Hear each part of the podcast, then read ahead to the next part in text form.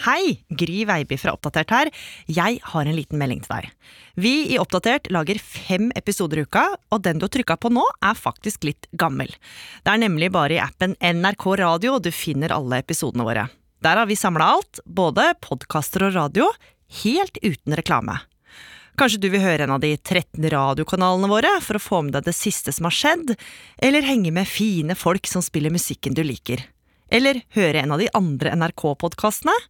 Jeg kan i hvert fall love deg flere episoder av Oppdatert i NRK Radio. Vi har faktisk laga hundrevis av episoder som ligger og venter på deg. Og en av dem får du høre nå. En podkast fra NRK.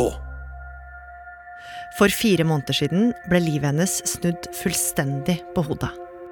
Og så sitter vi i bilen på vei ned til første avhør hos politiet, og så Og verden liksom raser sammen for oss. Nå forteller moren til Jonas Aarseth Henriksen om drapet på sønnen og tida etterpå. Det er liksom vanskelig å forstå ennå at eh, noen har valgt at Jonas ikke skulle få leve lenger.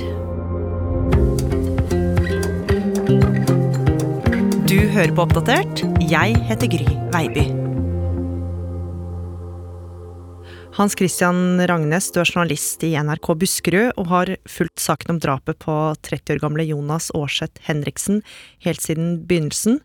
Fram til nå er det stefaren til Jonas som har hatt mest kontakt med pressen. Men for litt siden så fikk du snakke med moren hans, Elin Aarseth.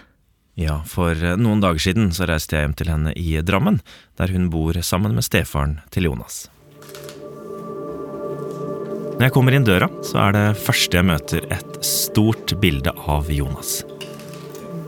Ved siden av bildet så henger det en cowboyhatt, og den hatten bruker Jonas på profilbildet sitt på sosiale medier, og han var veldig glad i den. Elin hun tar frem noen gamle album. Det er bilder av Jonas der han går på ski, og flere bilder av ham sammen med lillesøsteren sin, Ida. Jeg tenker jo tilbake igjen til fra han var liten, drar jo frem de minnene hvor han Han var jo en gjøgler og likte jo å, være en sånn klovn og få folk til å le, da også. Kunne sitte på hytta, jeg balje. Da var han ikke gamle gutten og sprute med vann på peisen, og når folk lo han, så bare gjorde han det enda mer, så han var jo veldig Ja. Jonas og moren hadde et veldig godt forhold. De hadde jevn kontakt, de sendte meldinger til hverandre, og de snakka mye på telefon sammen. For Jonas, han hadde over en lang periode følt seg utrygg.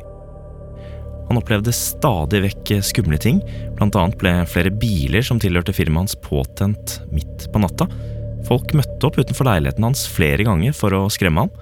Det fortalte han til sine mange tusen følgere på TikTok, hvor han var kjent som Lastebil-Jonas. For det viser seg nemlig det at uh, verkstedet mitt, det har tatt fyr i natt. Eller rettere sagt i bobilen som har stått der parkert ett år uten strøm. Hva i helvete som har fått den der til å begynne å brenne? Og i mars i år så opplevde Jonas noe ekstra skremmende. Da ble han overfalt utenfor sin egen leilighet i Tønsberg. De neste månedene skjedde det flere ubehagelige ting, og til slutt så valgte han å holde det hemmelig hvor han bodde. Han bodde litt her og der, annet hjemme hos mamma Elin og andre familiemedlemmer. Og en dag nå i august så pratet Jonas og Elin på telefonen. Han hadde nemlig dårlig samvittighet for at familien hans hadde blitt dratt inn i den utryggheten han selv kjente på. Han følte veldig på at han hadde utsatt oss for dette her også. Da. Han var veldig redd for at noe skulle skje med oss også. Hvor jeg sa at uh, dette er jo ikke din skyld. Du har gjort det du kan. Og jeg fortalte hvor stolt jeg var av han, og alt han fikk til. Og at dette kom til å gå bra. Og da sa han også at jeg er stolt av deg også, mamma. Og så sa vi at vi var glad i hverandre. Det sa vi alltid da vi, når vi snakka sammen. Men jeg Jeg fikk liksom aldri sagt ordentlig ha det til ham. Jeg fikk ikke klemte han ordentlig en siste gang. Det er vondt. Og for Elin så blir denne telefonsamtalen med Jonas helt spesiell. For bare noen dager senere så skjer det noe. Jeg fikk telefon fra dattera mi, Ida. Vi skulle på butikken. Så ringer Ida til meg, og det var ikke så uvanlig, det. Og så bare lurer hun på om, eh, om jeg hadde hørt noe fra Jonas i dag. Og det hadde jeg ikke, og det var jo ikke heller uvanlig det at eh, det var ikke hver dag jeg snakka med han. Nei, vi får ikke tak i han, så vi er litt bekymra. Og da prøvde jeg å ringe Jonas. Da kom jeg rett på svareren. Så sendte jeg han melding. Jeg, hvor er du? Vi er bekymra for deg. Og så går det litt tid, og så er vi inne på butikken, og så ringer Ida opp igjen, og da forteller de hun at de har funnet han livløs i bilen sin.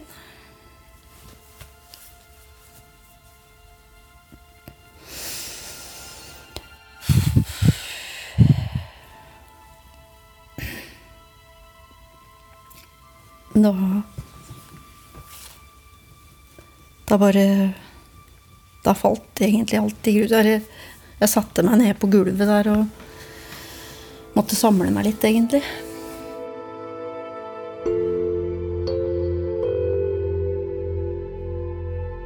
Og Elin kommer seg opp fra gulvet, og sammen med mannen sin så går de kjapt ut mot bilen og kjører mot det Elin først tror er sykehuset. Hun tror på dette tidspunktet at Jonas er blitt utsatt for en ulykke, siden han er funnet livløs. Men datteren Ida hun er på vei til Nes i Ådal. Hun har nemlig fått vite litt mer. Da ringer hun, og så sier hun at eh, Mamma, det, du kan bare kjøre hit. Ja, men livløs. Ja, men mamma, han er død. Og det Det er bare Det er, litt vanskelig å beskrive, egentlig, for det blir så Du tror det ikke, egentlig. Det ble en lang Forferdelig lang, den bilturen opp til den hytta. Da Elin og mannen hennes kommer ut dette hyttefeltet, så møter de Ida og blir stoppet av en mann fra politiet. Først så kan det virke som om de får lov til å se Jonas, men eh, til slutt, etter rundt tre timer med venting, så får familien beskjed om at de ikke får muligheten til å se ham likevel, og at de bare må dra derfra. Det var vondt å skulle reise fra han der oppe.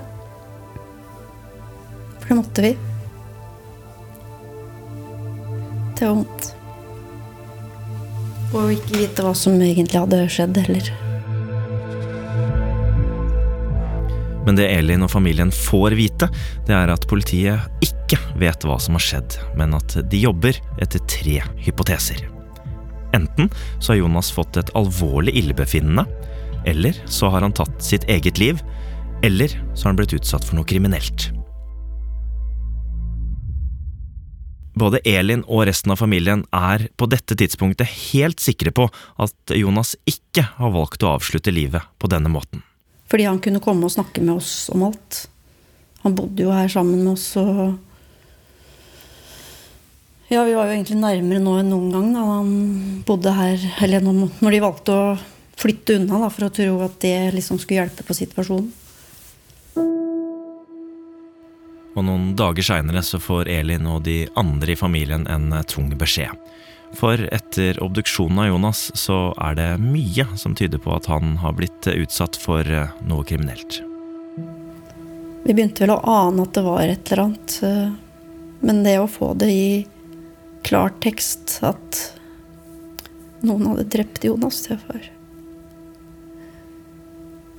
Det hadde jeg aldri trodd jeg skulle oppleve. Det var bare helt absurd og surrealistisk. Og når politiet nå går ut og sier at Jonas sannsynligvis har blitt drept, under det som etter hvert ser ut til å være ganske spesielle omstendigheter, så blir jo det her en veldig stor og profilert hendelse i mediene. 30-åringen fra Ringerike ble torsdag funnet død ved denne hytta, som ligger øde til ved et tjern i Nes i Ådal nord for Hønefoss. Det var først etter obduksjonen politiet i dag gikk ut og sa at dette er en drapssak. Fremdeles er det ingen som er pågrepet i saken, eh, men vi etterforsker saken bredt og jobber ut fra flere hypoteser. Så har vi siden i går mottatt mange tips, og det er vi veldig takknemlige for. Det at eh, offentligheten er så tett på noe som kort tid etterpå har blitt et uh, drapsoffer, er veldig spesielt. Vi, vi, vi opplever vårt livs mareritt. Altså det, er, det er som å våkne til et mareritt hver eneste dag. Og da dette skjedde, i hvert fall den første tiden, så stoppet jo verden opp for oss. Eller for meg. Og så sitter vi i bilen på vei ned til første avhør hos politiet, og, så, og verden liksom raser sammen for oss. Og så ute så skinner sola, og folk går på gata og smiler og altså, Det er ganske absurd å observere når du sjøl står i en sånn krise, da. Og ettersom eh, månedene går, så blir den ene etter den andre mistenkte personen pågrepet i forbindelse med drapet på Jonas. En mann er pågrepet for drapet på Jonas eh, Henriksen. Dette skjer på dagen én måned etter at Henriksen ble funnet drepen. En 30 år gammel mann er pågrepet og siktet etter drapet på Jonas Henriksen. Etter lang tids spaning slo politiet i går kveld til mot en 32 år gammel mann som de mistenker er hovedmannen bak drapet på Jonas Henriksen. I løpet av høsten blir hele fem menn siktet i saken. Alle nekter for at de har hatt noe med drapet å gjøre. Det er helt absurd. Jeg hadde jo aldri i min villeste fantasi altså Jeg liker å se krim eh, på TV. Men å liksom oppleve det på kroppen selv, da Det er ganske spesielt. Og at det er så mange involvert, og det bare Jeg syns det er veldig rart og surrealistisk og forstår det egentlig ikke helt. Man vet jo ikke Nå skal det jo nei, Vi er jo i en rettsstat, og de er jo ikke dømt ennå. Men allikevel så er det jo Har jeg følt det har vært viktig å følge den prosessen, da.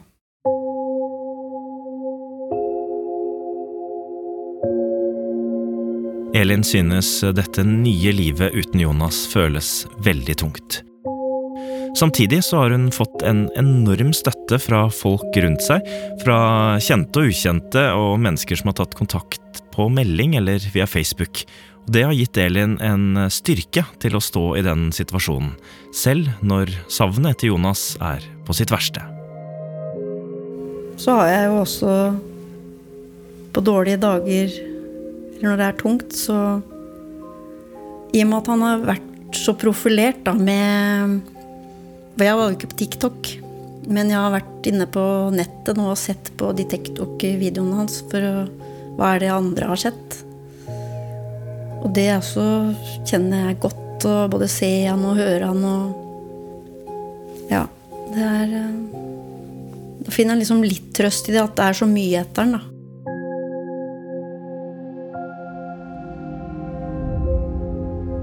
Nå er det nesten nøyaktig fire måneder siden Elin fikk beskjeden om at Jonas var funnet død.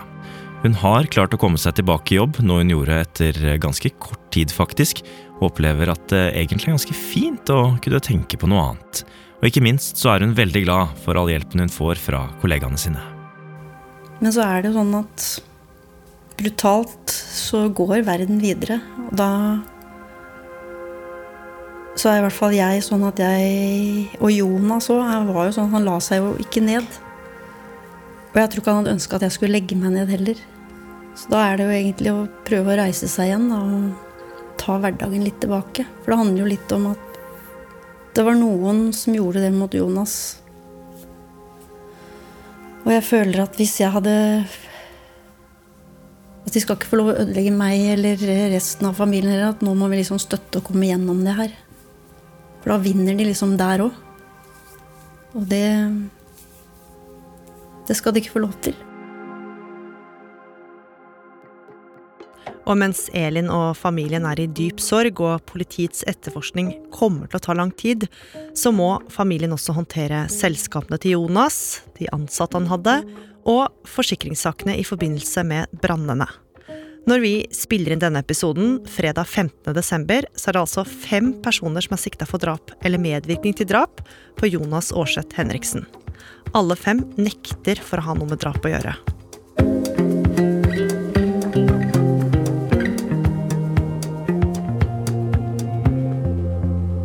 Oppdatert er en podkast fra NRK Nyheter. Og denne episoden var laga av oss. Produsent Line Orfjell. Lyd Andreas Berge. Vaktsjef Irina Kjelle. Og jeg heter Gry Veiby. Programredaktør er Knut Magnus Berge. Klippene du har hørt, er fra TV 2, Jonas Aarseth Henriksens TikTok-profil og NRK. Har du tips til sak eller innspill til noe av det vi lager, så kan du gi tilbakemelding direkte i NRK radioappen, eller du kan sende oss en e-post til oppdatert krøllalfa nrk.no. Hei, dette er Gry Veibyen. Hvis du likte denne episoden her, og gjerne vil høre mer, så ligger altså alle episodene til Oppdatert i appen NRK Radio, i tillegg til veldig mye annet bra innhold. Vi høres.